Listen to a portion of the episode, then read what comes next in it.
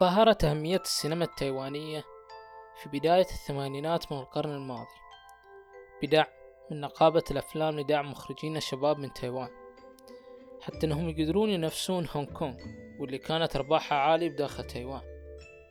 لهذا السبب مخرجين أمثال هو هسيو هسيو وإدوارد يانغ ووشين كونهو غيرهم قدروا أنهم يضعون لهم بصمة في المهرجانات العالمية وفيلم مدينة الحزن لهو هسيو هسيان فاز بجائزة الأسد الذهبي في مهرجان فينيسا السينمائي كأول فيلم ناطق بالصينية يفوز بهذه الجائزة. السينما التايوانية في ذاك الوقت قبل ما تطلع الموجة الجديدة الثانية في التسعينات كانت تعتمد بشكل كبير على الواقعية وتصوير الحياة التايوانية. كانت تتكلم عن ناس تعيش في المدن والريف والبعض حتى قارنها بالواقعية الإيطالية اللي بدأت بعد الحرب العالمية الثانية. قدروا أنهم يعملون تقنية جديدة من الناحية القصصية اللي في المعتاد يكون لها ذروة في الأحداث. لكنهم تجاهلوا هالشي القصة صارت إيقاعها كالحياة الواقعية.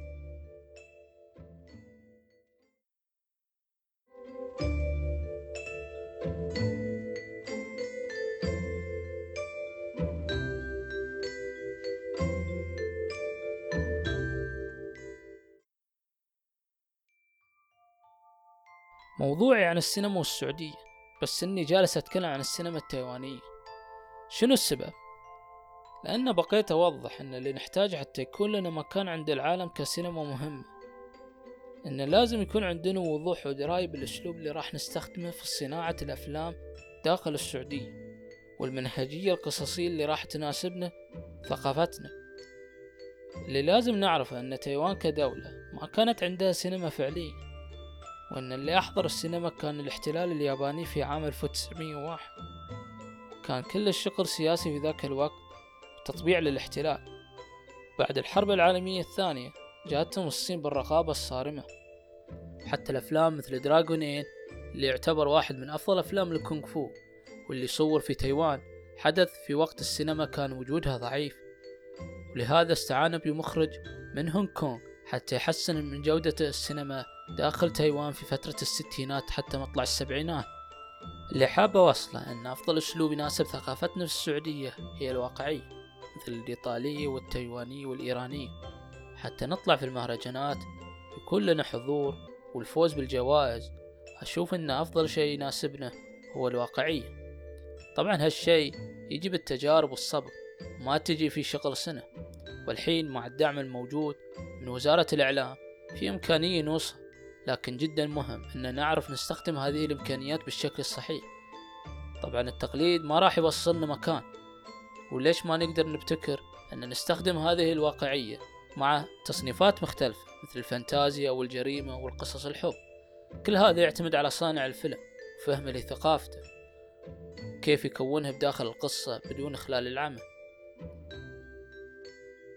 ممكن البعض يشوفني إني جالس أناقض نفسي إني كنت أقول إن المفروض ما نعمل تقليد أعمى لكن في نفس الوقت كنت أقول خلنا نستخدم الواقعية مثل الايطالية والتايوانية والايرانية لكن الفرق إن نقدر نستخدم هذه الواقعية بطريقة مختلفة. بالفعل إن الايطالية والتايوانية والايرانية يتشابهون لكن كل واحد له طريقته في السرد القصصي واستخدام للتقني في قصص لهذا السبب ممكن نستخدم هذا الأسلوب الواقعي لكن نستخدمه بأسلوب الخاص فين؟ من ناحية القصة أو من ناحية التقنية. نطلع بأسلوب مختلف وجديد مثل ما فعلت إيران في استخدام هذه الواقعية. ومثل ما ذكرت في بداية البودكاست أن تايوان استخدمت طريقة مختلفة في السرد القصصي. وبهذا الشكل ممكن نستخدم أسلوب جديد مختلف عن باقي الدول. الأفلام الوثائقية ما حصلت على الاهتمام الكافي من صناع الأفلام. وهناك بس قلة مهتمة في صناعتها حتى الدعم للأفلام الوثائقية غير موجود أبدا مع أن هناك قصص ثقافات مختلفة بداخل السعودية واللي تساعد على صناعة محتوى جيد. وإذا كانت هناك قدرة مادية ممكن صناعة أفلام تتكلم عن قصص ناس من خارج السعودية. فالمهم البحث عن قصص تستاهل أن يتم تحويلها إلى فيلم وثائقي. ممكن يرجع سبب ضعف الاهتمام في صناعة الأفلام الوثائقية إلى عدم معرفة صناعته أو بسبب أن البعض يشوف فيها صعوبة كبيرة تبعدهم عن هالمجال أو حتى ممكن بسبب عدم وجود دعم مادي داخل السعودية. ولكن هالمجال في الخارج له دعم سنوي من دول مختلفة إلى جميع الجنسيات واللي يهتمون فيه حتى يدعمون صناع الأفلام هي القصة إذا ما كانت تستحق. وفي النهاية هالشي يرجع لصانع الفيلم قدرته أنه يكشف عن قصة جيدة ويطورها حتى توصل لأن مش ضروري صناعتك لفيلم وثائقي يعني نجاح تعلم صناعة الأفلام البعض يشوفها غير ضروري في الوقت الحالي لأن الشخص ممكن يتعلم عن طريق الإنترنت مع سهولة الوصول للمعلومات. هذا صحيح وهناك كثير كورسات في الإنترنت اللي تعلم الشخص في أي موضوع يخص الصناعة. بس هناك شيء مهم ما توفر وهو العلاقات اللي تقدر تكتسبها مع ناس تشاركك نفس الشغف. واللي راح تساعدك في تسهيل عملية صناعة أفلام حتى تطويرك في أفكارك المتعلقة بصناعة الأفلام.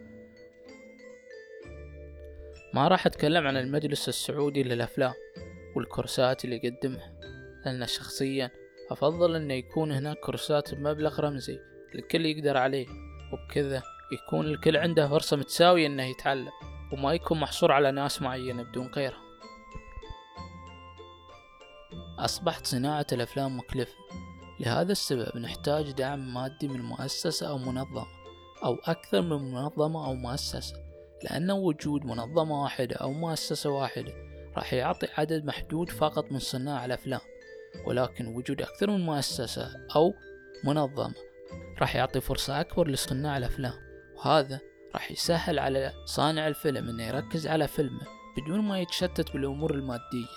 كثير من صناع الأفلام نجحت أفلام بدون دعم مادي ولكن كل شيء له حد بمعنى ان لا تتوقع أن صانع الفيلم راح يصنع ثلاث إلى أربع أفلام كلها من جيب الخاص فيحتاج إلى دعم مادي حتى يستمر في صناعته لأن مثل ما ذكرت عملية إنتاج الفيلم أصبحت مكلفة أكثر وأكثر فضروري جدا حتى تنجح السعودية كسينما وجود الدعم المادي.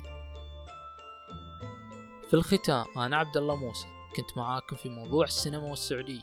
وأتمنى تعملون follow للحساب في الساوند كلاود ولا أنسى أني أشكر أنهار على التصاميم اللي قدمتهم للبودكاست. وأشكر أحمد عيد في تعديل المحتوى. وإذا عندكم أي شيء بخصوص المحتوى أو أمور تحتاج إضافة أو نقاش في موضوع السينما والسعودية عندكم قسم التعليقات أو على حسابي في تويتر. شكرا على الاستماع. وأشوفكم في موضوع ثاني.